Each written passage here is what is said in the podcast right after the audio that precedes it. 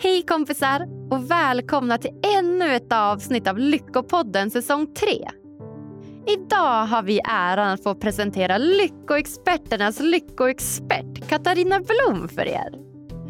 Och när jag fick erbjudandet om att ta över Lyckopoddens programledarroll så var Katarina en av de första jag tänkte på som jag ville ha med. Och därför är det såklart extra roligt att kunna presentera henne för er idag. Katarina är legitimerad psykolog med fokus på modern lyckoforskning och välmående. Jag tycker all hennes kunskap är en perfect match till ämnet lycka. Och det kommer ni få höra mer om i dagens avsnitt. Hon är en av Sveriges mest bokade föreläsare och idag svarar vi på frågor som vad är egentligen lycka och hur uppnår man den? Och självklart ska ni få massa tips och tricks på hur ni kan göra för att må bättre. För er som inte känner mig så heter jag Agnes Sjöström och presenterar den här podden i samarbete med hypnotication.com. Här kommer ett riktigt dunderavsnitt. Varsågoda!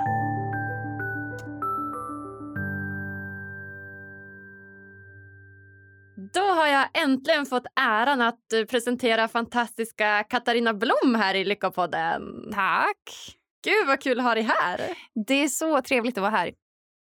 Det är så att eh, när jag har mina gäster så frågar jag oftast i slutet vilken gäst som de hade velat skulle gästa Lyckopodden. Och mer än hälften har ju nämnt ditt namn. Wow! no pressure. Ja. Nej, exakt. No pressure. ja, vad härligt. Ja, men jättekul. Så Mm. det känns jättekul att ha dig här. Det är som att eh, Katarina plus Lyckopodden är lika med sant. Ja, hurra! ja, men verkligen. Jätteroligt. Men jag, jag har haft lite ögonen på den här podden och eh, tänkt att det skulle varit kul att vara med här faktiskt. Ja, men vad härligt. Så nu händer det. Nu händer det äntligen. Ja, ja. Vad härligt. Ja. Katarina, för de som inte vet eh, vem du är, berätta. Jag är eh, psykolog i grunden och eh, har intresserat mig för det här med eh, välbefinnandets psykologi sen, eh, ja, redan sen jag pluggade egentligen. Eh, jag tyckte det var väldigt eh, spännande att det fanns forskning på också vad det är som kännetecknar människor som mår bra. Och också kanske lite större existentiella frågor. Att vad är det som gör livet värt att leva? Vad verkar vara viktigt för de allra flesta av oss? Eh, Det var en bit som jag ibland kände saknades lite på psykologprogrammet. Så det var jättespännande när jag började hitta den här forskningen på egen hand och läsa in mig på den. Ja, jag läser ju också en kurs i positiv psykologi just nu. Mhm. Så Ja. jag är också jätteinsatt och tycker att det är jättespännande. Ja, vad roligt. Men vad var det som gjorde att du liksom föll för just positiv psykologi och lyckoforskning? Ja, jag tycker att det är väldigt spännande och viktigt att vi förstår det allmänmänskliga just när vi inte mår bra, ångest, nedstämdhet. Så otroligt viktigt att vi har koll på vad är det som är effektiv hjälp. Men lika viktigt att också förstå vad är det som fungerar stärkande för de allra flesta av oss. För jag tänker att väldigt många människor har kanske inte just en diagnos eller är... Alltså många är ju i kris någon gång i livet men bara för man är i kris behöver man ju inte alltid söka psykologhjälp. Så jag tänker att mycket av att bara vara människa och leva sitt liv innebär eh, upp och nedgångar och eh, jag tyckte det var väldigt fascinerande att det fanns kartläggning och mönster som kändes igen gång på gång i olika människoöden och att man kunnat generera just kunskap och forskning utifrån det. Det, det kändes spännande och någonting som jag upplever eh, många människor är intresserade av. Eh, och jag känner att det blir ofta snabbt väldigt bra samtal när jag pratar om välbefinnande med människor. De allra flesta har ju tankar och erfarenheter och eh, det blir snabbt personligt och eh, nära livet. Det gillar jag. Ja, spännande. Jag tänker, blir man lyckligare av att studera lyckoforskning? Jag, jag får ju ofta frågan så här, är du lycklig nu? Ja. Och eh, det... ehm, Du jag borde skulle- vara världens lyckligaste person. Eller hur? Eller hur? Nej, men som vi skriver i, eh, på första sidan redan faktiskt i eh, boken som jag skrivit tillsammans med Sara Hammarkrans. En bok som heter Lycka på fullt allvar. Redan på första bladet så skriver vi lite skämtsamt att gör du alla övningar i den här boken då kan du äntligen bli lycklig. Och sen nej. Eller inte. Så fungerar det faktiskt inte. Eh, så jag tycker att det är viktigt att eh, alltid poängtera att det är ju spännande att lära sig om den här forskningen och så vidare. Men utifrån det mänskliga psyket så ingår det ju att känna en variation av känslor. Och Många förknippar just lycka med att vi ska vara glada och känna mest positiva känslor. Och eh, Det är väldigt svårt att leva ett rikt och varierat liv där man inte också upplever eh, liksom, rädsla, ilska, frustration, sorg. Jag tänker att det har blivit en liten, ett missförstånd där kanske i hur vi ser på vad är lycka egentligen. Utifrån den bilden så kanske, ja, att jag kanske har blivit lyckligare eh, utifrån att eh, jag reflekterar mer kring mina känslor idag och kring hur mitt mående hänger ihop med vad jag gör om dagarna eller vilka människor som jag känner mig extra trygg och får verkligen bra kontakt med. Jag kan tänka mig att jag är framförallt lite mer eh, medveten om hur påverkas jag av hur mina dagar ser ut och att jag ja, reflekterar mycket kring det. Och kanske också prioriterar lite annorlunda i vardagen utifrån vad jag har lärt mig om mig själv och studier om välbefinnande. Ja, spännande. Hur tänker du att du prioriterar annorlunda idag jämfört med tidigare? Ja, men, eh, ibland så känner jag att vi människor lutar oss så mycket mot experter. Eh, att man outsourcar sitt eget välbefinnande och hoppas att någon annan ska lösa det här åt mig. Den här svåra frågan. Ja. Eller hur? Eh, och det är jättebra att man söker kunskap om man tycker det är spännande och liksom inspiration och tips. Eh, men jag tror också det är viktigt att hålla kunskapen lite med lätt hand. Att se det just som tips eller inspiration. Att eh, okej, okay, om jag läser forskning så verkar det här ha funkat för väldigt många. Men jag måste ändå i slutändan prova på själv. Vad funkar för mig? En stor del av att stärka sig själv handlar om att bli nyfiken på sig själv och kanske reflektera bakåt och kartlägga lite. När är det som jag trivs med mitt liv? När känner jag mig stolt till exempel? Vad är det som känns viktigt för mig?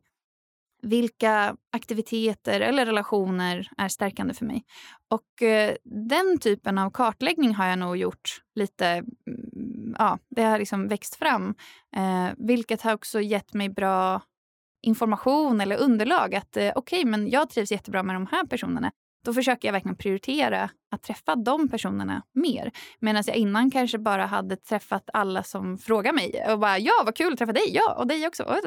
Och det hänger nog också ihop med att jag har fått barn eh, för eh, ett och ett halvt år sedan. Och då blir ju tiden väldigt stram. Och jag har verkligen tvingats att eh, fundera ännu mer kring mående och hur jag ska prioritera för att må bra. Så att kartlägga lite någonstans. Vart är jag? Vad gör jag? Vad får mig att må bra? Vilka ska jag umgås med? Vilka aktiviteter tycker jag är roliga? Så kan man göra en liten topplista kanske, så här, topp 1, 2, 3. Man kanske inte måste just rangordna nej. vänner och sånt där. Det kanske känns lite cyniskt nästan. Men, ja, eh, men att man eh, blir nyfiken på sig själv och eh, börjar reflektera i vardagen att eh, oj, men här sitter jag på tunnelbanan och småler för mig själv. Varför gör jag det? Var kommer den här härliga känslan från? Just det, men det var ju att eh, den här kunden blev så nöjd med vad vi gjorde eller eh, vad det nu kan vara. Eller att jag lärde mig något nytt idag. Eller eh, att man hittar vad är det som eh, liksom startar en, en härlig känsla för en själv. Och jag tycker att forskning ger jättebra vägledning i det. Att eh, man kan se det som lite så här, tips från coachen. Typ. Om du inte vet vart du ska börja, eh, det här verkar ha funkat för väldigt många andra. Testa om det funkar för dig. Men i slutändan så är det ju alltid upp till den unika individen att, att märka men vad, vad funkar för mig. Saker som funkade för mig när jag inte hade barn kanske inte funkar längre. Att man måste hela tiden hålla liv i den där nyfikenheten och uppdatera sig kring sig själv. Vad har jag för förutsättningar att må bra? Vad kan jag ge mig själv i form av egen tid eller egen vård eller ja, vad det nu kan vara. Så jag skulle nog säga att just det att fortsätta vara nyfiken och reflektera och prova. Testa att göra saker och utvärdera. Hur påverkade det här mitt mående? Hur påverkade det här hur nöjd jag är med mitt liv? Um, hur påverkade det här uh, mina värderingar till exempel? Sådana saker tänker jag är, är viktigt. Ja, men jättebra. Reflektera och vara nyfiken på sig själv. Ja, verkligen. Ja, spännande. Och ta det på allvar, det som kommer upp. Att uh, verkligen, oj, jag trodde inte att det var så här, men så är det visst. Ungefär. Ja, men jättebra. Mm. Jag tänker, för de som inte vet, vad jobbar du med ja. dagligen? det kan man fråga sig. ja. Jag sitter i poddar och pratar. det är det enda jag ja, det enda jag.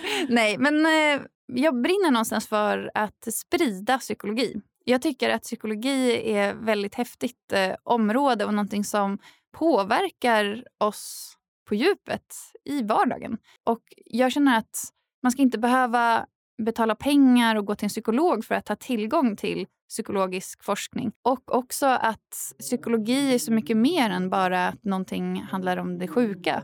Ehm, det finns så otroligt mycket forskning som handlar också om eh, det allmänmänskliga. Så jag vill gärna sprida den här psykologin och eh, det gör jag genom att skriva artiklar, skriva böcker, eh, också mycket ute och föreläser och håller workshops eh, där vi eh, testar på den här psykologin i vardagen med varandra. Vad funkar för mig? Vad, hur hur kan vi som grupp bli stärkta?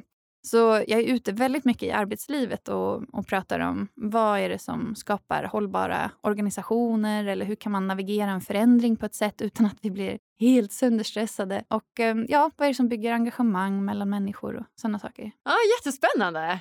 Och då tänker jag så här att vi börjar lite från början ja, helt enkelt. Visst. Och då undrar jag, vad är lycka? jag tänker att på ett sätt, jag läste någonstans eh, ödmjukt i någon forskningsrapport att eh, i slutändan så är det ju bara personen innanför skinnet som kan avgöra vad är lycka för mig. Och att det finns en ödmjukhet i det. Att eh, lycka kan vara olika saker för alla. Men precis som att lycka kan vara olika för alla så finns det också vissa gemensamma drag som många skriver under på. att jo, men Det här tycker jag också är lycka. Vi människor är ju generellt sett mer lika varandra än vad vi är olika varandra. Eh, så det går ändå att se vissa generella mönster. Och En annan sak om man ska studera lycka det är att vi måste definiera vad är det egentligen så att vi kan mäta det. Eh, så man kan testa på att göra övningar eller interventioner och så mäta före och efter och se, hade det här effekt? Så för att kunna mäta det så måste vi liksom enas om hur mäter vi det och vad är det för någonting?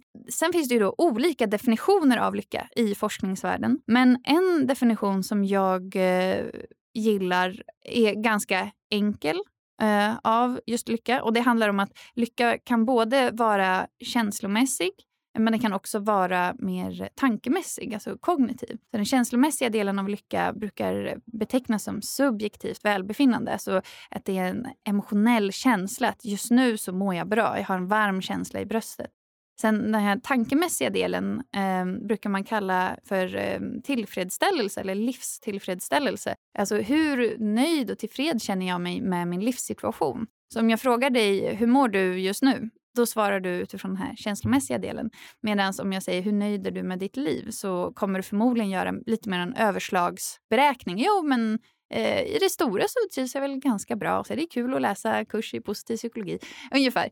Men när du väl är på plats och pluggar den här kursen då kanske du känner dig frustrerad eller arg eller åh, det är klurigt eller vad det nu kan vara. Så att de här, den känslomässiga delen och den tankemässiga delen behöver ju inte alltid gå hand i hand.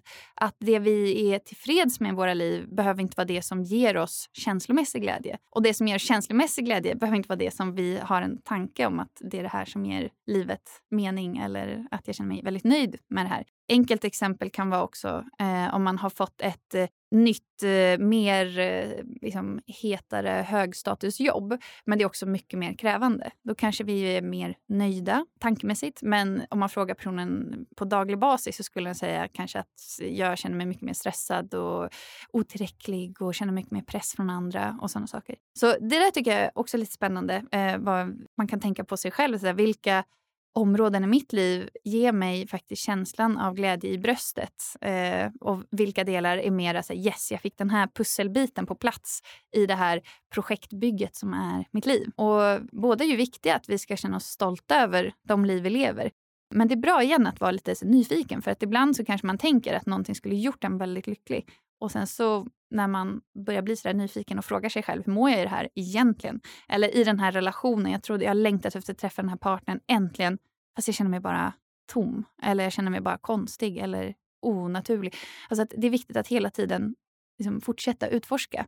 Funkar det här för mig på riktigt? Det var en kort svar, eller hur? Ja, men eller hur?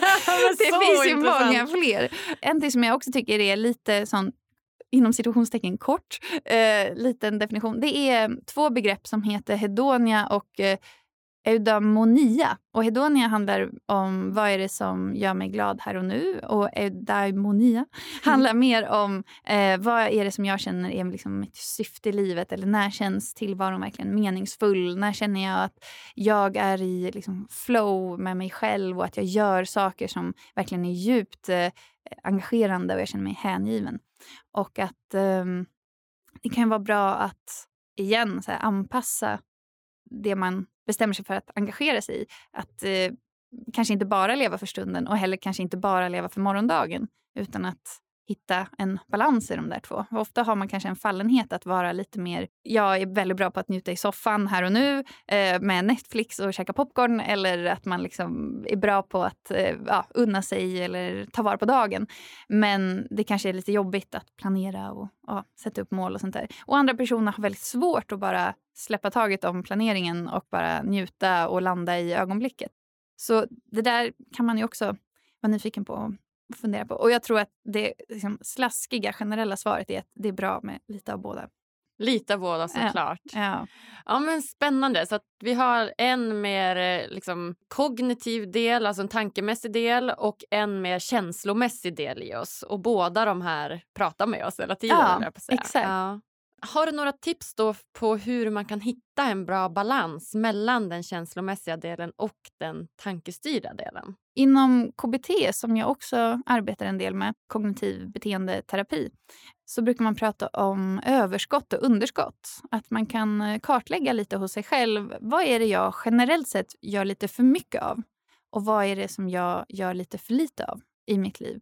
För ofta så vet vi med oss, vi har liksom en liten röst i oss eller vi känner ett skav någonstans som ger en ledtråd om att det är någonting jag inte riktigt trivs med i mitt liv. Det är något jag skulle vilja förändra. Men det kan vara obehagligt att göra den här förändringen.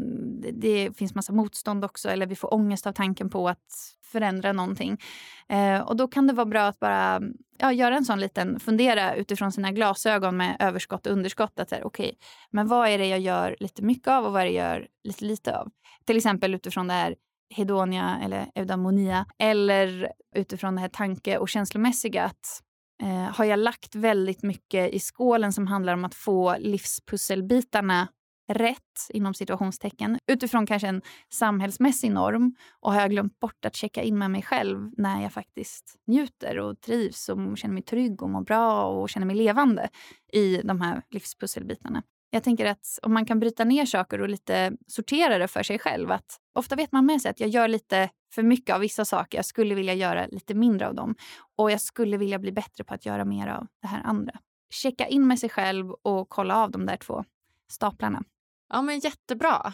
Jag tänker, hur gör vi det mer konkret? Jag tänker att någonstans så behöver vi ju skapa förutsättningar för oss själva att ens kunna checka in. Hur har jag det just nu?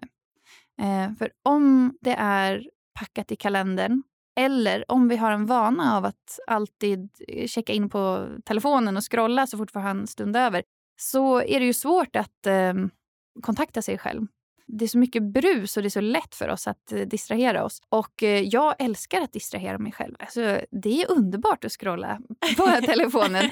Men jag vet ju också med mig att eh, det inte blir bra om jag gör det hela tiden. Att jag då kan känna mig lite borttappad eller lite spänd och ja, konstig i slutet av dagen. För att jag har glömt att checka in och kolla vad behöver jag? Vad längtar jag efter just nu? Eh, behöver jag slappna av eh, liksom i axlarna? Eller and, hur andas jag? Alltså att, att hitta en, någon rutin för att checka in med sig själv. Och kanske också kolla hur ser mina vanor ut när jag har en stund över. Det, det skulle jag säga är bra liksom, första steg. Ja. Så det gäller alltså att bryta det här eviga scrollandet inom situationstecken och ja. kontakta sig själv och faktiskt reflektera. Alltså, vad vill jag? Ja, och, eller var verkligen enkelt så här, hur mår jag? Eller så här, vad behöver jag? Vad känner jag? Det är eh, verkligen enkla, bra frågor. Och eh, liksom enkla inom situationstecken. För en del personer har blivit uppfostrade av sina föräldrar att eh, det är naturligt att känna efter vad jag vill och behöver. Och det är inte heller eh, farligt på något sätt att uttrycka det. Eh, det är väldigt oladdat. Jag, jag vill äta macka eller jag behöver en kram eller jag eh, känner att jag vill vara lite själv nu och man säger det och det behovet har blivit mött. Men för många så kanske det inte är den bakgrunden man har utan att när man kom med något behov så möttes det av att fast vi har inte tid för det nu eller det funkar inte eller ser du inte att vi håller på med något annat viktigt här? Och jag tror att eh, eh, många kanske har svårt att känna in vad har jag för behov just nu. Så att bara börja där är eh, superbra start på att ta reda på vad är det som jag mår bra av och vad kan göra mig lycklig. Ja, men Jättebra. Eh, hur ofta tycker du att man ska ha den här konversationen med sig själv? Eller dialogen? Eller? Två gånger varje timme. nej. ja, exakt. Hela tiden. ja, exakt. Varannan minut. Ja. Nej, men eh, nej. Vad är rimligt? Alltså, jag tänker att eh, igen måste man se det lite från ens eh, livssituation. Jag upplever personligen att sen jag fått barn har det blivit mycket svårare att påminna mig själv om att göra den här typen av incheckning samtidigt som det har blivit mycket viktigare också att jag gör det. Eh, det är hur livssituationen är för mig just nu. Men innan jag fick barn så kände jag att det var mycket enklare men det var också lättare att må bra i vardagen. För att mm, jag hade mer tid och jag kunde gå och träna när jag ville, träffa kompisar när jag ville, jobba lite, liksom, bestämma själv och så. Så att, ehm, jag vill verkligen svara ödmjukt att eh, man måste ta det efter egna förutsättningar. Att göra det en gång om dagen är väl fantastiskt. Innan man går och lägger sig på kvällen, så här, vad har jag tyckt om idag? Eh, vad har jag upplevt? Eh, när har jag känt att jag eh, kände mig trygg eller levande eller eh, gjorde någonting som var läskigt. Eh, det var, jag hade så mycket nervositet, men jag gjorde det ändå. Eh, ja, när jag känt mig stolt, vilka människor har jag trivts med idag? Alltså, så, var nyfiken och kolla av. Och typ, är det någonting jag hade velat göra mer av idag? Eller är det något behov jag har som inte har blivit tillgodosett? Att försöka fånga upp de sakerna. Ja, verkligen. För jag har också hört liksom lite olika saker när det kommer till just lycka och att det finns vad ska man säga, två vågskålar. Att det mm. finns den ena, jag som kanske då är lite mer vad ska man säga, kognitiv eller tankestyrd och att man tänker att man ska ha mål och man ska sträva mot någonting och det är väldigt viktigt hela tiden. Och det tycker jag man speglar samhället idag ganska generellt. Men också finns den här andra vågskålen att så här, ja, men det kan vara lika viktigt att känna efter och vara här och nu och bara göra saker som jag känner att jag vill. Eh, och hur tänker du att man gör då för att få en balans mellan de här två vågskålarna? Jag tänker två olika tankar.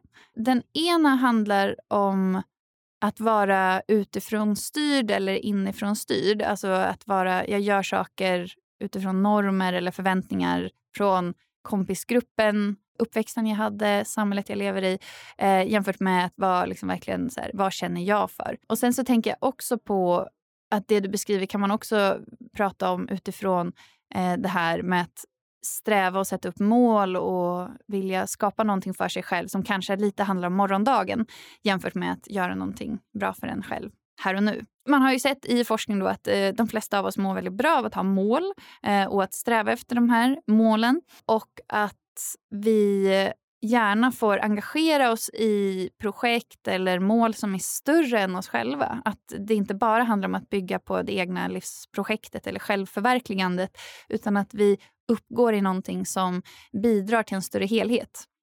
Och eh, mycket forskning kommer från USA och där har man ju också en helt annan trosuppfattning än i Sverige.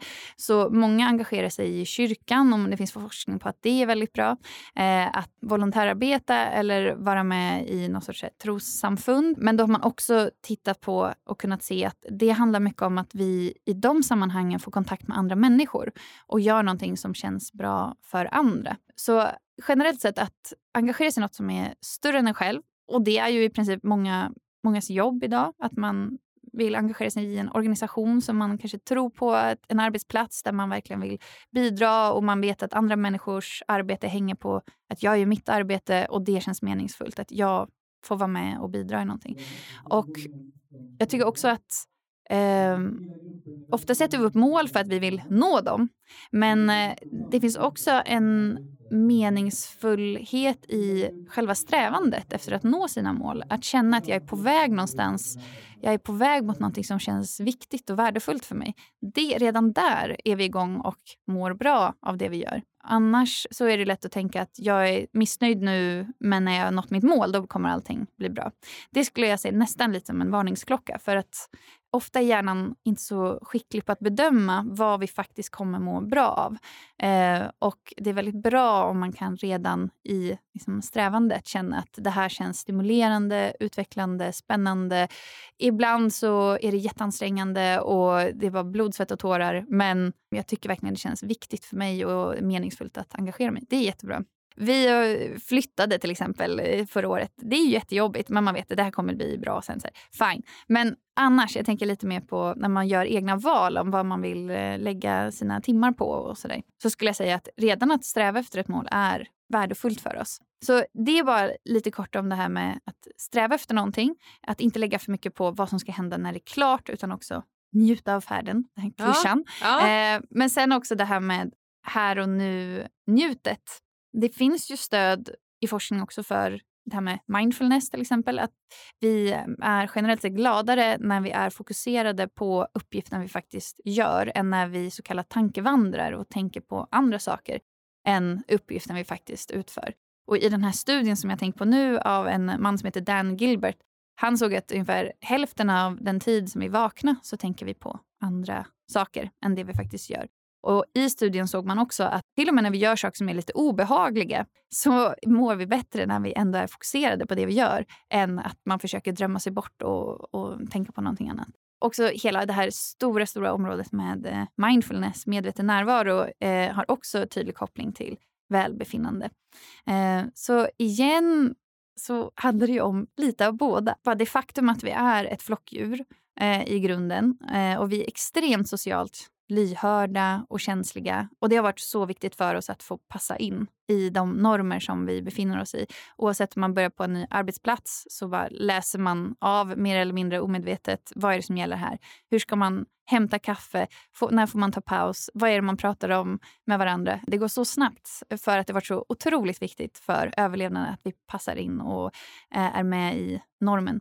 Så det är ju lite en kamp. Ja men verkligen. För att jag tänker att eh, det här med att sätta mål att sträva någonstans. För mig så upplever jag det eh, ganska enkelt att ta ett papper och penna, skriva ner så här, det här vill jag. Mm. Och så skriver jag ner så här, ja men jag vill eh, fortsätta göra klart min eh, masterutbildning, jag vill fortsätta podda, jag vill det här och det här och det här. Mm. Men jag tycker att det är svårare att hitta någon typ av njutning här och nu bara när man är i vardagen. Eh, jag är ganska bra på att åka iväg och göra roliga saker och mm, tycker mm. det är mm. viktigt att ha kul generellt. Ja. Men när man säger att man är inne i sitt lilla ekorrhjul och mm. går där dagar in och kanske blir lite uttråkad eller less. Mm. Hur gör man för att njuta och vara lycklig i nuet?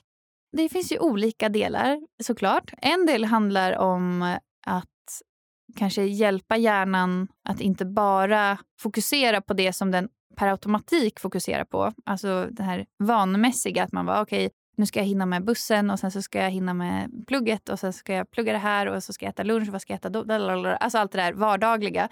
Eh, för det sköter ju hjärnan ändå. Det behöver man liksom inte är intränat hos de allra flesta hos oss. Och sen också det här med att eh, vara lite vardagsorolig eller vardagsmissnöjd. Inte heller någonting som man måste ofta träna på.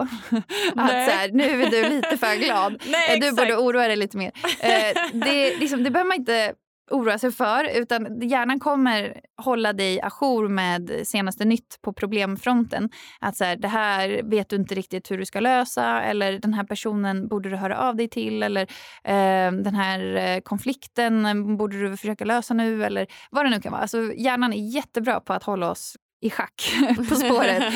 och så det man kan behöva hjälpa hjärnan med, tänka i en sån här november när vardagen är ekorrhjulig, är att eh, kanske lyfta blicken ibland, zooma ut lite grann, reflektera. Så här, vart är jag på väg? Varför är det viktigt för mig med den här utbildningen? Kanske ta det ett steg längre. Vad vill jag ska hända efter det? Hjälpa gärna tänka lite större tankar.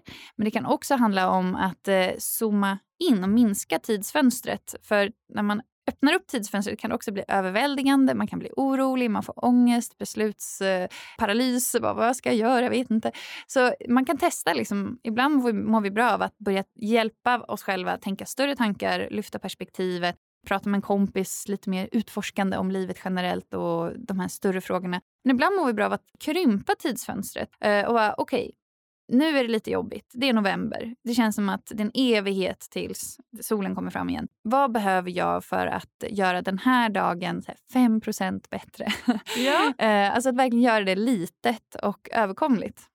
Och att sen inte stanna vid tanken på att det skulle vara härligt med det här och det här utan att verkligen aktivera sig. För vi människor mår generellt sett bra av aktivitet. Gärna varierad aktivitet också. Att vi provar på nya saker är sånt där som hjärnan bara oj, oj, vad händer nu? Och att man lite snap out of den här ekorrhjulskänslan. Det är liksom ett sätt att vi kan känna oss mer levande. Och eh, vi får ny kontakt med oss själva, kanske ny information. Det här gillade jag inte, det här gillade jag, det var, jätte, det var oväntat. Som innan nu, jag föreslog att jag skulle eh, göra akrobatik med dig här när vi skulle ta något roligt foto. Eftersom jag älskar akrobatik och jag har aldrig gjort den här positionen med någon förut. Och du bara, ja, vi provar, vad kul.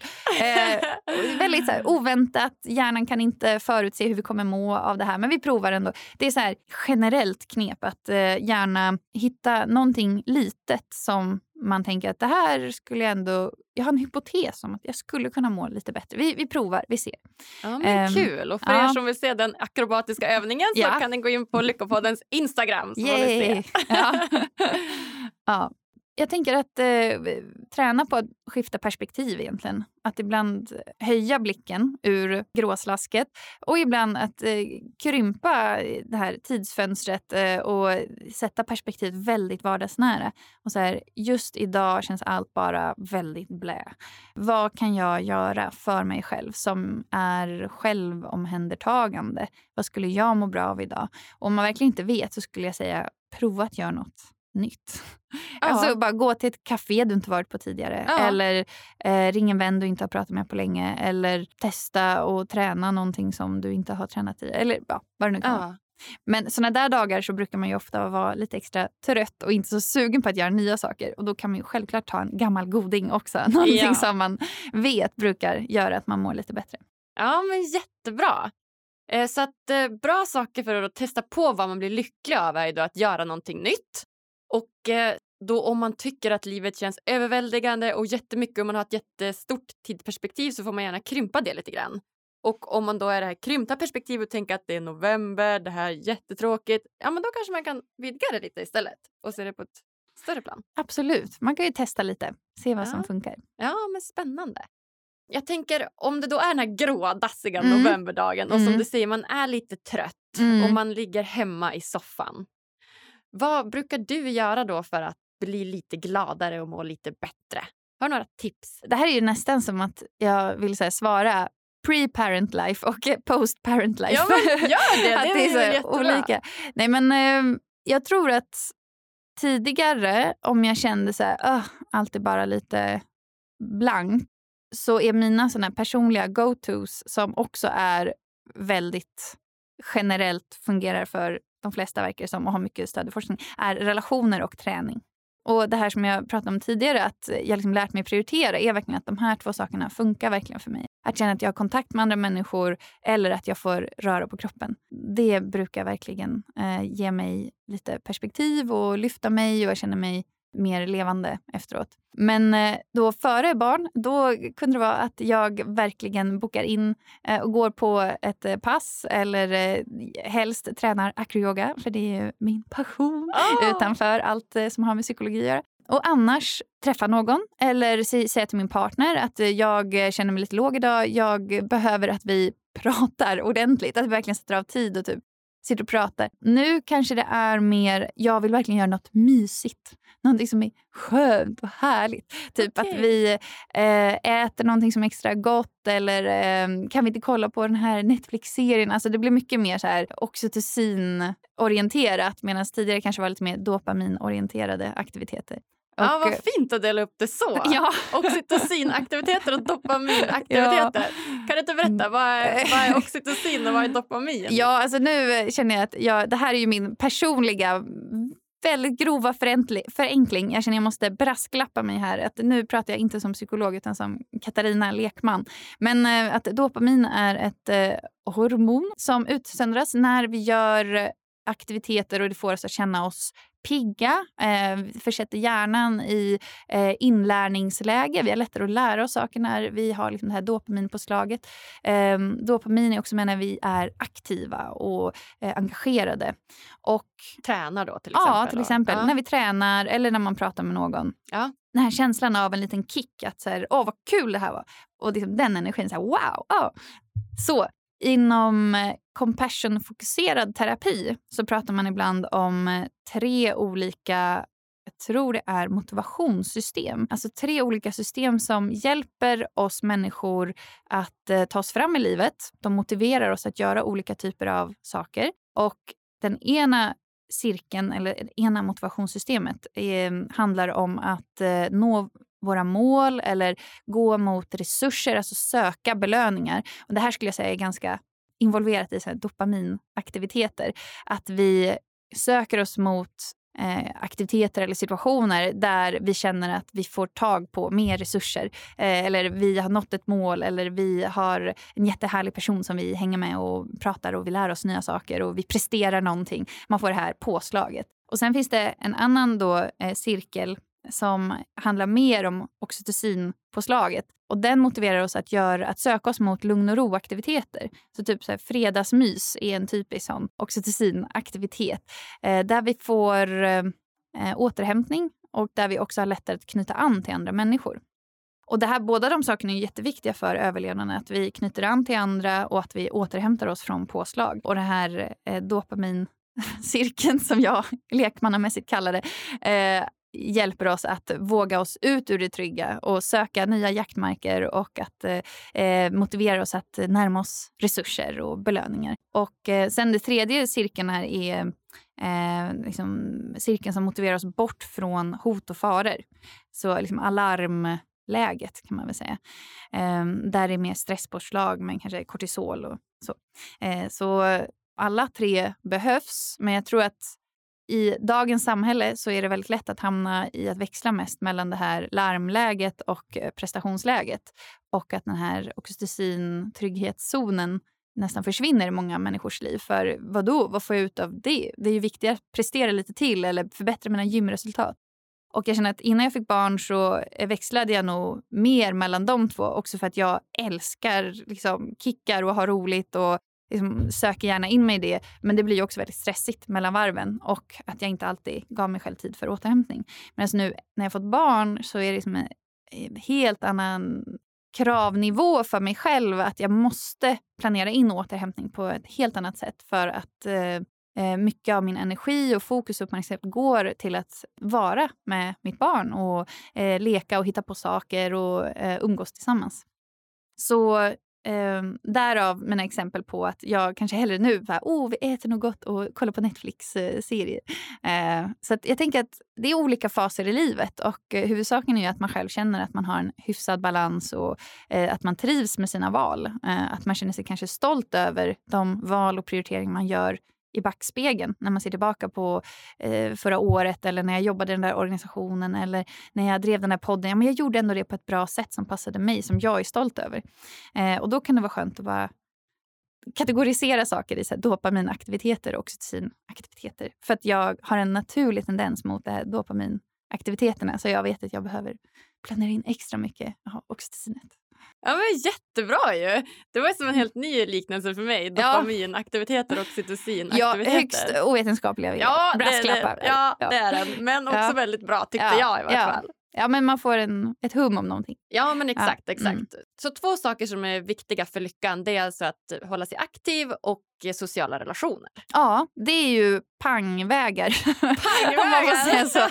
Nej, men om det verkligen är någonting som är så starkt forskningsstöd så är det dels fysisk aktivitet. Det är verkligen eh, robust, att eh, kopplingen mellan fysisk aktivitet och välbefinnande.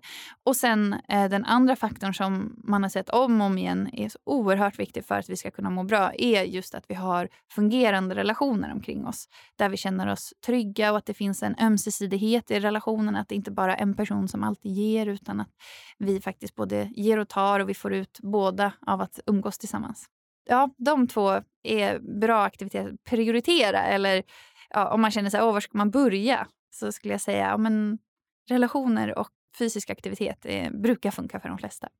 Ja, men superbra tips ju. Mm. Eh, jag frågade ju mina följare på min eh, Instagram, Agnes Sjostrom eh, efter frågor som de var nyfikna på och fråga lyckoexperten Katarina. Och en fråga som då kom in var den Går det att hitta något samband mellan lyckliga människor? Och Då gav hon exempel på geografiskt, utbildningsnivå, tro, husdjur eller om du är singel eller i ett förhållande. Om vi börjar med rent geografiskt. Finns det något samband mellan lyckliga människor och geografi? Ja, det är ju en svår fråga eftersom eh, man definierar lycka olika eh, runt om i världen. Till exempel i USA så är det många som associerar lycka med den här lite mer kickiga lyckan. Att man har en nästan eh, här, intensiv känsla av eh, wow, I did it. Liksom, så här, påslag verkligen. En stark positiv känsla.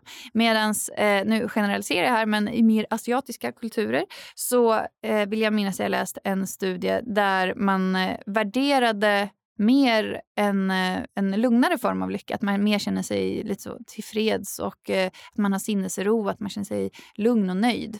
Eh, så att eh, jag tänker att det är svårt att eh, ja, uttala sig eh, alltför generellt med vad som är liksom, gemensamma nämnare i olika delar av världen just eftersom man definierar det lite olika. Men jag vill också minnas, jag läst en studie kring just där en man som heter Robert Biswas Diner. Han är lite känd som den positiva psykologins Indiana Jones. Okay. Just för att han reser runt väldigt mycket och gör studier runt om i världen och i slumområden och ja, högt och lågt. Och eh, han, om jag minns detta rätt, så har han sett just hur eh, positiva relationer är så viktigt eh, oavsett var man befinner sig. Att det tycks verkligen vara en så här superstark eh, en grundläggande förutsättning för att vi ska kunna må bra. Ja, just det. Ja. Och det är ju generellt då över hela, ja. över hela världen. Ja, men ja. precis. Så sociala relationer. Mm. Ja. Eh, utbildningsnivå. Finns det något samband där mellan utbildningsnivå och lycka? Jag känner mig också lite ouppdaterad men jag vill ändå minnas att jag tror att det är lite så förutsägbart att högre utbildningsnivå också hänger ihop med högre nivåer av lycka. Men jag tror att här kan man nog grotta in sig lite i varför. Till exempel, man har ju sett att fysisk hälsa också hänger ihop med att man känner att man mår bra, att man är frisk. Och har man högre utbildningsnivå så är det en skyddsfaktor för att man också ska ha en god hälsa under längre tid i livet. Kanske för att man är bättre på att söka vård, man kanske är mer van att ta för sig av samhällets resurser. Jag vet inte. Det, jag kommer inte det här var ett par år sedan jag läste det. Men, eh, men så att jag tror lite generellt så ja, det finns ett samband mellan att, uh, utbildningsnivå och välbefinnande. Men jag tror att det finns många olika underfaktorer som kan förklara varför. Och Det är inte bara att här, man blir glad av att plugga och ha en, ett diplom hemma ungefär. Så hänger det ju inte ihop, utan snarare kanske med socioekonomisk status tror jag. Precis. Mm. Hur ser det ut med då tro? Att man tror på någonting? Ja, men då är vi på de här amerikanska ja. studierna. Ja. Men också med liksom, spiritualitet och att människor som tror på en högre makt eller tror på någonting större än oss själva tycks må bättre och trivas mer med sina liv. Okay. Eh, men det kan också ha att göra med att man när man är troende exempelvis i USA som har en stark kultur av att man också aktivt möts i kyrkan. Att det snarare är de här att vara en del av ett community. Eh, att känna att man är del av ett sammanhang där som är väldigt socialt och att man har en roll och att man känner varandra. Att det är det som kan förklara varför vi mår bättre. Men absolut att det, det finns också samband mellan att tro och må bra. Just det. Så tillbaka då egentligen till sociala relationer igen. Kan vara. Ja, mm. jag kan förklara en bit av det. Hur ser det ut då om man har husdjur? Gör det en lycklig? Ja, det här har man mest gjort studier på hundar faktiskt. Ja. Eh, och ja, man blir lycklig av att ha en hund. eh, blir det? Ja, och här tror jag både att det hänger ihop med liksom att vi mår bra av det här oxytociniga och goset och att, eh, ja, eh, rent så, att det är mysigt. Men eh, också den här sociala aspekten. Att många beskriver ju sitt husdjur som sin bästa vän eh, och att det är en person som man kan vända sig till, eller person, ett djur, en varelse man kan vända sig till. Oavsett hur man mår så tycker den här personen om en, eller varelsen. Eh, så att, eh, jag tror igen att det här är den sociala aspekten som eh, är med. Ja, så det påverkar. är mycket den sociala aspekten. Jag skulle nog säga det. Ja, mm. ja men för det vet man ju själv när man... Nu har inte jag hund, men jag vet ju själv när man så här, jag har kommit hem till folk och så är det alltid så att det kommer du vet, en jätteglad liten hund springande som bara hoppar upp och bara vill krama en och pussa mm. på en och så. Mm. Så det är klart att det har sina positiva effekter. Verkligen. Och hur ser det ut då om du är singel eller i ett förhållande? Kan man se att man är lyckligare som singel eller man är lyckligare i ett förhållande? Ja, här är det lite olika resultat. Och eh, igen, så här, grundpoängen skulle jag säga att vara i en nära relation. Men det måste inte vara just till sin partner. Men att man har den typen av liksom, närhet i vänskapsrelationer är bra för oss. Det finns vissa studier som menar att människor blir lyckligare efter att de har gift sig men den effekten avtar efter typ två år. tror jag det var. Och Sen finns det annan studie, en norsk studie som menar att kvinnor som skiljer sig är lyckligare än, när de var, att, än att vara kvar i en relation som känns lite halvbra. Så jag tänker att utgå från att vi är liksom, sociala varelser. Vi har ett socialt behov och det hänger starkt ihop med vårt välbefinnande. Men att vara i en relation där man, ja, som man inte mår bra av, såklart inte det är bra. Eh, och att eh, igen, man kan tänka att så här, om jag bara får gifta mig då kommer jag äntligen vara nöjd med mitt liv och vara fantastiskt. Och lalala. Absolut, men liksom, vår hjärna är inte så bra på att kunna sätta olika livshändelser i paritet med hur det faktiskt kommer påverka vårt mående över tid. Så det ger en skjuts har man ju då sett, men som sagt att den avtar. Så att jag tänker att det finns vissa saker som man kan hålla sig i utifrån forskning. Men jag skulle säga ändå att så här, grund, grundtanken är att vi människor behöver känna social samhörighet med andra människor för att må bra. Ja, ja men verkligen. Där, på den här frågan så märkte man ett väldigt tydligt samband mellan att det faktiskt är goda sociala relationer mm. som har det tydliga kopplingen till lycka Exakt. egentligen. Ja, precis. Ja, spännande. Eh, den andra frågan vi fick det var vad bör vi undvika om vi vill bli lyckliga? Om jag ska raljera lite grann, då skulle man kunna säga att om jag sa till en person nu ska du se till att isolera dig, sluta göra saker, var hemma, var väldigt passiv, eh, oroa dig mycket, Gör inga försök att bryta oroscykler utan elda gärna på. Gå in ordentligt i katastrofscenarion om hur jobbigt vissa saker har varit och hur jobbigt det kommer bli framöver. Eh, där har du liksom antitesen till lycka. Alltså, det är nästan som så ett recept på depression. Ja. Eh, och om man då ska vända på det så handlar det om att här, ta dig ut, eh, blanda in dig i olika sammanhang aktivera dig, var, ehm, eh, gör en variation av olika aktiviteter, upplev en variation av olika känslolägen. Eh, för sammantaget så gör det att vi känner oss levande. Och att, att vara alltför trygga, skulle jag också säga. Eh, att det är viktigt att vi då och då utmanar oss själva och gör saker trots att vi har kanske ångest eller orostankar när vi gör det här. Ibland så tycker jag att det blir fel när man tänker på det här med att må bra och lycka. Att jag ska göra aktiviteter jag mår bra av. Jättebra. Men det blir ett väldigt trångt liksom, handlingsutrymme eller livsutrymme i förlängningen om vi bara gör saker som vi alltid känner oss trygga och att vi vet att vi kommer må bra av. Eh, utan det är ju viktigt också att vi utmanar oss själva och stretchar lite och försöker vidga det här livsutrymmet. Och när man ska vidga sitt livsutrymme så inbegriper det nästan alltid ett visst mått av obehag. Eh, att man känner oro eller ångest. Kommer det gå? Jag kommer misslyckas. Om vi engagerar oss i någonting som är värdefullt för oss så kommer det per automatik att också kännas lite läskigt att göra det. För det är någonting vi verkligen bryr oss om. Så man ska undvika kanske att söka allt för mycket bara så positiva känslor. Om vi skulle definiera lycka bara som ett så positivt känslopåslag så blir det en väldigt trång kostym att eh, liksom pressa in lyckan i. Att lycka och välbefinnande handlar ju egentligen om att leva ett varierat och rikt liv där vi känner oss levande, där vi engagerar oss i liksom en meningsfull strävan, kanske mot mål som betyder mer, inte bara för oss utan också för andra människor. Um, och om man ska leva på det sättet, det kommer att vara obehagligt också. Men det är liksom en välkommen del i det här med att känna att man eh, ja, lever sitt eget liv och bygger en lite mer robust version av välbefinnande. Så jag skulle säga att det är viktigt att man inte undviker obehagliga känslor. Utan att man gör saker där det kanske också väcks obehag i en. Men man har koll på varför jag gör det här. Det är inte för att jag vill självplåga mig utan för att jag vill utvecklas kanske. Eller lära mig något nytt. Eller våga gå på en eh, Tinder-dejt eller eh, söka ett nytt jobb. Eller, ja. Det finns ju så många saker som kan kännas lite läskiga och utmanande. Och att verkligen eh, kasta sig ut och pröva. Ja, exakt. Det är också så att vi har ju också lite negativa känslor i oss. Vi kan ju känna oro och rädsla som du säger och ledsamhet och sånt. Mm. Hur gör man för att hantera de här lite mer tråkiga negativa känslorna?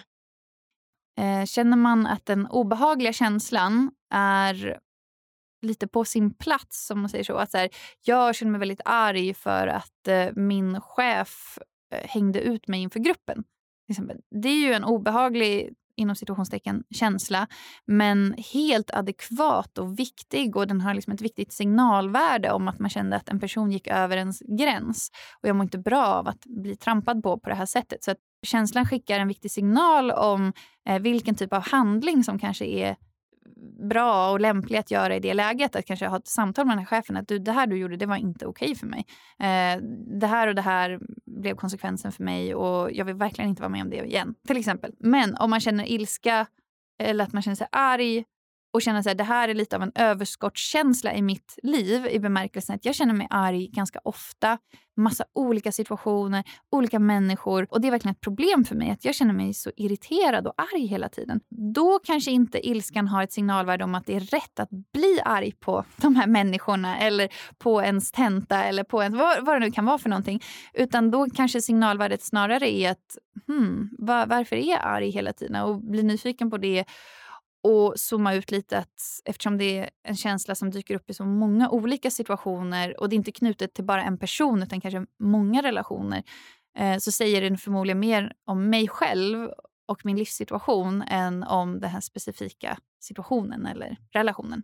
Så då blir det ju ett annat sätt hur man ska hantera känslan. Att man kanske inte alltid ska ge uttryck för den utan snarare fundera på ens eh, sammanhang och liv och kan det vara att jag känner mig för eh, pressad och stressad, att jag går på knäna, jag är i konstant fight-flight-läge och därmed har nära till hands att bli aggressiv mot människor och känna mig irriterad. Och, eh, då handlar det mer om att vad behöver jag göra för att sänka stressen eller ta hjälp från andra för att förändra någonting. Eh, så det är svårt att ge ett liksom, generellt svar för det beror på vilken, vilket sammanhang, vilken kontext Verkligen. Och hur vet man det? Säg om vi tar ilska. Mm. Hur vet man att bara, Gud, jag är alldeles för arg? Ja. Hur vet man det?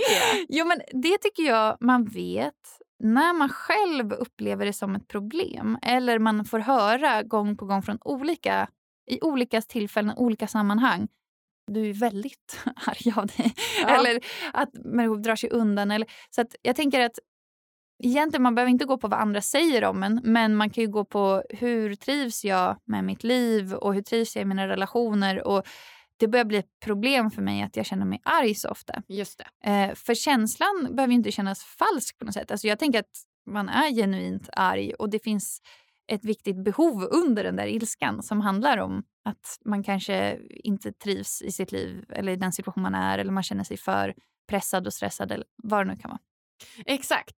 Och det är också så himla spännande det här med att man kan ha en känsla som är genuin och säger någonting. Men tanken kanske säger någonting annat. Så här, ah, men okej, nu har jag varit arg på den här eh, vattenglaset ja. hur länge som helst och hur ja. många gånger som helst. Mm. Eh, men rent tankemässigt kan jag veta så här, nej men, nej men Agnes, det är, det är ingen idé att du är arg på det här vattenglaset. Mm, man har inte mm. gjort dig någonting. Och där är det också alltid en så här övervägning. Så här, ska man lyssna på sin tanke eller ska man lyssna mm. på sin känsla? Ja. Ja, men det är en jättebra fråga. Och jag tänker att det bästa igen är väl en liten balans mellan båda. Att våra känslor är jätteviktiga. De kan ge oss viktig information om vad vi behöver och vad vi längtar efter. Eh, det är ofta bra att vi har kontakt med vårt känsloliv och vi känner inte fel typ av känslor i olika situationer. Det finns alltid en god anledning utifrån vår inlärningshistoria, vad vi har varit med om som barn eller hur vi har sett att våra föräldrar har hanterat och reagerat och, och så vidare. Det finns alltid en anledning till varför vi får de känslor vi får. Sen får man göra ett val. Alltså, hur vill jag hantera mitt känsloliv? Bara för att jag känner en känsla starkt betyder inte att det är rätt att liksom, fara ut med den eller lägga det på någon annan. Utan här behöver man analysera lite sig själv och så här, kartlägga kanske vilka situationer blir jag väldigt arg i eller vilka typer av relationer, vad är det som triggar mig? Och fråga sin lilla tankemässiga sån här förnuftsröst som inte är liksom känslopåslagen utan kanske kan ge ett annat perspektiv. Så här, Vad tycker du, lilla förnuftsröst? Ja. Eh, är det rimligt att jag ska bli så här arg i det här läget? Vill jag vara en person som reagerar på det här sättet? Eller hur, hur kan jag agera utifrån de känslor jag har på ett sätt som gör mig stolt och på ett sätt som gör framtida mig stolt? När jag tittar tillbaka på det här svåra läget jag var i. att liksom, hur kan jag agera idag för att göra framtida mig stolt och glad över att ja, men det där tog jag igenom mig riktigt bra på ett sätt som var utvecklande för mig och jag kände mig stolt över hur jag liksom, hanterade den här svåra situationen. Så ett samtal mellan liksom, känslor, för de har alltid sin anledning varför de känns men det betyder inte att det är rätt eller att de alltid ska uttryckas. Eh, så ett samtal mellan känslorna och den här förnuftsrösten, eh, tänker jag. Ja, men spännande. Ja, och om det är svårt att hitta den här förnuftsrösten i sig själv, för ibland hörs känslor väldigt högt i vårt system. Eh, och det kan vara väldigt svårt för den här lilla rösten som bara “men det kanske inte är läge nu”. och så känner känslan är som en elefant och bara “jo, det ska ja, ut”. Så, ja, då kan det vara bra att prata med en kompis eller en partner eller någon familjemedlem som känner dig väldigt väl och som vill dig väl. Eh, och om man känner att man inte har någon sån, då kan man ju faktiskt också söka samtal hos en psykolog eller psykoterapeut. Att säga, jag hamnar gång på gång i de här mönstren. Hur ska jag göra för att bryta det? Jag vet att jag inte ska göra så här, men ändå gör jag det. Om man är på den platsen och känner att men, det här är ett problem för mig. Inte bara så här, andra tycker att jag borde gå hit, utan så här, jag känner också att det här är faktiskt jobbigt. Då är det nog bra att ta hjälp. Ja, men jättebra tips. Mm. Jag tänker att om vi tar en vanlig liksom, vardagssituation, säg att man, ja, men man kommer hem och så har ens partner lämnat framme all disk. Mm. Första reaktionen är ofta så, så här, åh, varför har han inte plockat bort disken? Typ. Mm, mm. Istället för att man skulle lika gärna kunna säga så här, åh vad nice, min partner har ätit en jättegod middag han hade säkert bråttom till någonting. Han lämnade det. Alltså, ja. Det är egentligen lika naturligt. Det handlar om så här, är glaset halvfullt eller är det halvtomt? Är det så att någon har haft fest eller någonting och det är en mm. massa ölflaskor. Mm. Istället för att säga åh gud vad jobbigt nu måste jag ta bort de här ölflaskorna. Så kan mm. man istället tänka så här, ja men vad härligt att han har haft fest. Du har säkert haft jättekul. Och så vill man ju nästan unna honom det istället. Mm. Varför fungerar hjärnan så? Ja, vilka bra exempel du hade. Eh, jag tror att vi är många som känner igen oss i den första rösten mer än den andra. Och jag tänker också att ibland så pratar jag om hur vi människor har med oss som ett ett systematiskt tankefel som ibland kallas för en negativity bias i hjärnan. Eller i hjärnan, det är ja, ett kognitivt mönster. På svenska så brukar jag säga att vi har som ett negativt filter som gör att obehagliga upplevelser känns mycket starkare än motsvarande positiva, härliga upplevelser. Och det här var ju bra på savannen, att vi hade superbra koll på faror och hot. Eh, om någon kollade snett på oss i flocken så skulle vi liksom märka det. Alltså, Whoops, jag kanske har en beef på gång med den här personen.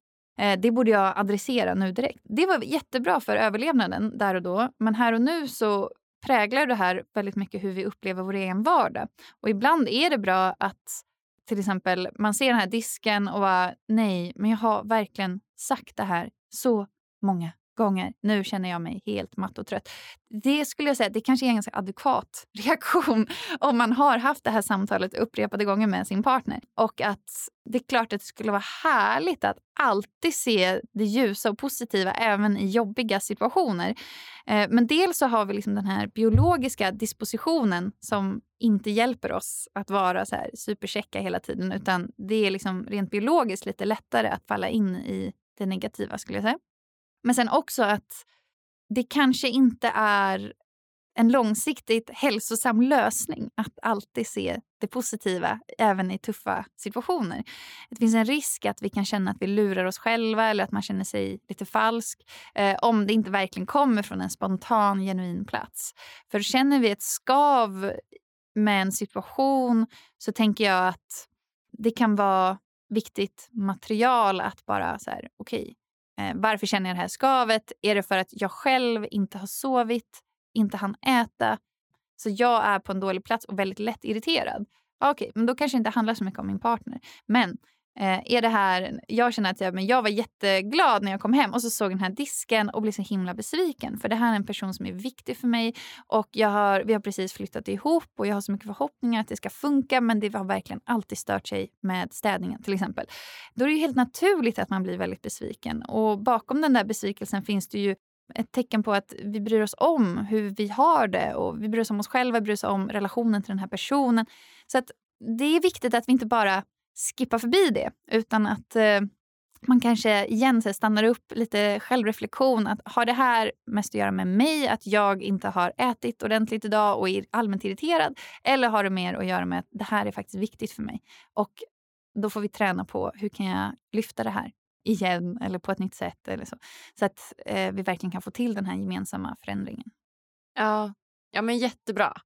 Så då kanske man istället får komma överens om att så här, ja, men jag kommer att lämna disken. För då är man ändå lite beredd på att okej, okay, han kommer lämna disken, jag får ta disken men han får då gå ut med soporna eller någonting. Ja men precis, ja. alltså någonting som genuint känns som att ja, men nu har vi hittat någonting som ja, eh, blir bra för mig också. Ja men spännande. Kul Katarina, man kan ju prata med dig hur länge som helst. Ja, eller hur? Ja. Härligt. Om du fick ge lyssnarna en utmaning som de kan göra varje dag för att bli lite lyckligare, vad skulle det vara då? Det korta svaret skulle vara att blicka tillbaka i ditt liv och hitta en aktivitet, eh, någonting som du gör som du märker att det här mår jag bra av när jag gör. Det här har funkat för mig tidigare. Och sen blicka framåt och prioritera, hitta ett sätt hur du kan göra mer av den aktiviteten. Så först en tillbakablick i backspegeln. Vad blir jag glad av? Och mm. sen framåtblick. När ska jag göra det här mer? Ja. Och hur mycket? Ja, men jättebra. Vad gör dig som lyckligast? Ja, alltså nu har jag faktiskt lite oxytocinfokus i mitt liv. Eh, jag är fortfarande lite tagen av det här evolutionära knarket som det innebär att få barn. Eh, för Jag tycker det är så otroligt att man kan känna så mycket värme och starka känslor för en liten varelse som ändå skapar ganska mycket kaos och frustration eh, som är liksom allmänt bara, här kommer jag, jag gör precis vad jag vill hela tiden. Och det är naturligt att det liksom inte alltid är supersmidigt i vardagen och sådär. Men det spelar ingen roll, man älskar ändå den här lilla varelsen så himla mycket. Och att jag kan vara ifrån honom bara några timmar som nu och sen så, så här, känner jag genuint att jag längtar efter att komma tillbaka och bara busa och leka och gosa. Eh, det är jag fortfarande lite så här, hmm, det här är ju sjukt. Ja. Men väldigt bra grej av evolutionen att så knarka ner den så mycket med det här bindningsinstinkten att man ska verkligen knyta an till sitt barn. Ja men verkligen. Ja. Men så just nu så tycker jag väldigt mycket om eh, oxytocinorienterade aktiviteter. Jag förstår. Eh, ja, eh, som till exempel att eh, vara liksom, nära eh, både min sambo men också mitt barn. Ehm, gå på massage, underbart tycker jag är väldigt eh, härligt. Eh, gå på yoga, väldigt härligt. Alltså mycket så här lugn och ro-aktiviteter där jag får återhämtning. Ja, vad härligt. Mm. Vad kul med en sån vad ska man säga, ny grej i livet. Ja, Alltså, något, det är också något nytt och spännande, så kanske lite dopamin också i det i och för sig. definitivt. Alltså, det är så nytt och spännande Ja. också. Det skulle jag verkligen säga. Så många nya sätt att göra sitt gamla liv. Det är Ja. som eh, ja, det gamla livet 2.0 på något vis. Att Ja. man så här, och inte i att det nödvändigtvis är liksom bättre, för det har man ju också sett i lyckoforskning, att man inte alltid blir lyckligare av att få barn. Men annorlunda, det är liksom ett nytt sätt att göra saker på. Och det är ju spännande i sig. Ja, men verkligen. Jag hoppas att det håller i sig också då när han är 13, 14, 15. Eller hur? Det är Vi får se. Ja, verkligen. Mm. Vem hade du velat ska gästa Lyckopodden? Och du får inte säga Katarina Blom. jag tycker, alltså jag tycker ju flera. En person, apropå det här med relationer, som har skrivit en bok ganska nyligen, heter Malin Drevstam. Hon är eh, fantastisk. Hon är eh, legitimerad psykoterapeut och eh, sexolog. Och hon har skrivit en bok om relationer och sex. Och hon är bara så underbar. Så Ja, hon kul. tycker jag borde komma Ja, hit. ja, men hon har Ja. jag haft lite kontakt med. Ja, vad kul! Ja, Ja, så hon där. kommer säkert komma hit. Ja, bra, bra. Tusen tack eh, Katarina Blom för att du kom och gästade oss på Lyckopodden. Tack så mycket. Tusen, tusen hjärtligt tack alla ni som har lyssnat. Visst var det här jätteinspirerande? Kom ihåg att prenumerera och ge oss tummen upp om du tyckte det här var lika bra som jag. Följ oss gärna på sociala medier. Där heter vi Lyckopodden. Så hörs vi på tisdag igen. Puss och kram!